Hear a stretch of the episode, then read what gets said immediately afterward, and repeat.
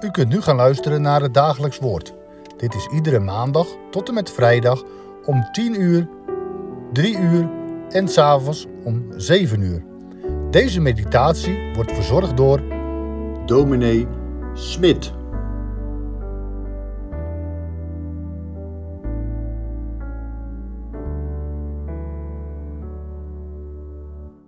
Fijn dat u weer luistert naar het dagelijks woord. Welkom. Vandaag lezen we verder uit de geschiedenis van de Emmausgangers. Ze hebben aan de Heer Jezus verteld wat hen bezighoudt en waarom ze er zo verdrietig uitzien. En wat zegt de Heer Jezus dan? We gaan het lezen. Lucas 24, de versen 25 tot en met 27. En hij zei tegen hen: O onverstandigen en trage van hart, dat u niet gelooft al wat de profeten gesproken hebben. Moest de Christus dit niet lijden en zo in zijn heerlijkheid ingaan? En hij begon bij Mozes en al de profeten en legde hun uit wat in al de schriften over hem geschreven was. Jezus zegt dat ze onverstandig zijn en traag van hart. Ze hebben geen inzicht, hun hart springt niet op van vreugde. Nee, dat is geen compliment. Het is een fikse berisping. Maar wat de Heer Jezus zegt, is wel doordrenkt van liefde. Hij wijst hen terecht, maar tegelijkertijd doet hij er alles aan om het licht te ontsteken in hun duisternis. Hun trage hart verandert hij in een brandend hart, een hart dat opgetogen is, omdat zij het wonder aller wonderen mogen ontdekken, het wonder dat duivel en dood verslagen zijn. Ja, en nu moeten we er goed op letten hoe de Heer Jezus dat doet. Hoe geeft Hij hen inzicht? Hoe verandert Hij hun verdriet in grote vreugde? Nou, hij gaat uitleggen wat er over hem geschreven is in de schriften. Wij zouden zeggen, hij laat zien wat er over hem geschreven staat in het Oude Testament. De Emmausgangers zitten in de put. Al hun hoop en verwachting is de bodem ingeslagen. Maar hoe komt dat? Ze waren niet gericht op wat de profeten hebben gesproken, Neem bijvoorbeeld dat schitterende hoofdstuk uit de profetieën van Jezaja, Jezaja 53. Wat lezen we daar? Hij is om onze overtredingen verwond, om onze ongerechtigheden verbrijzeld. De straf die ons de vrede aanbrengt, was op hem, en door zijn striemen is er voor ons genezing geworden. Ja, en dan verder. Als zijn ziel zich tot een schuldoffer gesteld zal hebben, denk aan het kruis, zal hij nageslacht zien. Het gaat verder. Hij zal de dagen verlengen. Het welbehagen van de Heere zal door zijn hand voorspoedig zijn. Hij ging de weg van het kruis, opdat wij vrede zouden ontvangen. Hij ging wel de dood in, maar zijn werk gaat toch verder. De Heer Jezus zegt: Moest de Christus dit niet lijden en zo in zijn heerlijkheid ingaan? Heel het Oude Testament liet dat al zien. Het zou best kunnen dat de Heer Jezus het met de Emmausgangers ook gehad heeft over Psalm 16. Deze psalm wordt later nogal eens aangehaald door de apostelen. In die psalm wordt het zo mooi gezegd: U laat niet toe dat uw heilige ontbinding ziet. De Heer Jezus blijft niet in dat graf.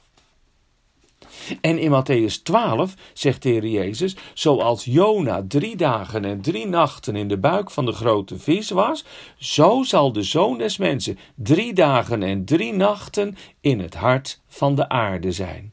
Na drie dagen staat hij op van de doden. Jawel, de Emmausgangers worden stevig aangepakt door de Heer Jezus. Maar de uitwerking is dat de schriften voor hen opengaan en dat ze daar houvast in vinden. Nou, wat kunnen wij hieruit leren? U en ik, wij zijn ook wel eens verdrietig en moedeloos. Vertwijfeld vragen we ons af wat er van Gods belofte terechtkomt. We voelen ons leeg en dan denken we dat het heil niet voor ons is bestemd. Weet u, dan moeten we heel alert zijn. Dan probeert Gods grote tegenstander ons onderuit te halen. Maar wat zegt de Heer Jezus? Waarom geloof je niet wat er in de Bijbel staat? Dat is het toch? Je vastklemmen aan wat de Heer heeft beloofd. Dat woord van God aan je hart drukken, geloven dat de Heer niet liegt. Kijk naar al die mensen die naar de Heer Jezus toekwamen en niet door hem werden afgewezen. De Heer Jezus is de grote magneet. Ja, en die magneet trekt geen gouden ring naar zich toe, maar wel roestige spijkers. Nog één ding. De Heer Jezus zegt: Moest de Christus dit niet lijden en zo in zijn heerlijkheid ingaan? Ja, en hij neemt de zijne mee door het lijden heen naar de heerlijkheid, naar de overwinning. Die hoop moet al ons leed verzachten. Komt, reisgenoten, het hoofd omhoog. Voor hen die het heil des Heren wachten, zijn bergen vlak en zeeën droog. Amen. Zullen we met elkaar bidden? Heer in de hemel, we hebben gezien hoe liefdevol de Heer Jezus de Emmausgangers heeft terecht gewezen. U hebt hem weer gebracht bij de Bijbel.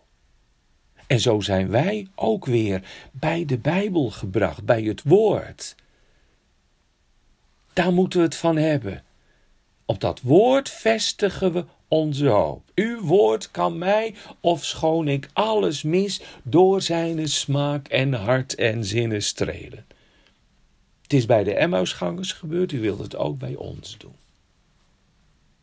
Heere God, u kent onze situatie. Misschien zijn we ook wel een beetje leeg.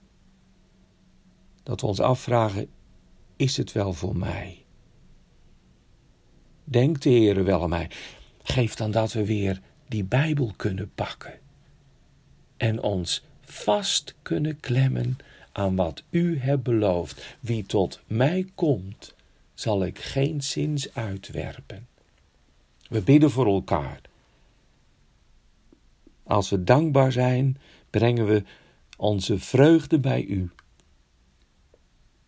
Als we moedeloos zijn, verdrietig, ziek, de zorgen van het ouder worden ons drukken, draag ons door uw kracht. Neem ons bij de hand en leid ons. Zorg voor ons en allen die bij ons horen. We denken aan onze kinderen, klein en achterkleinkinderen, als we die mogen hebben. Dat ze de Heer Jezus mogen kennen. En, en, en we denken aan, aan heel Katwijk. Heren, kom met uw geest. Er is zoveel doodsheid en afval. Wilt u alstublieft zich over ons ontfermen? Denk aan uw kerk. En wees met allen die, die uw woord verkondigen, die, die, die werkzaam zijn in de wijngaard. Zegen hun werk. We bidden voor deze wereld. We bidden om vrede en gerechtigheid. En, en we zien uit naar de wederkomst van de Heer Jezus. We zijn weer een dag dichterbij gekomen. We tellen af. Kom, Heer Jezus, kom spoedig. Heere, vergeef ons al onze zonden en zie ons aan in de Heer Jezus, onze redder. Amen.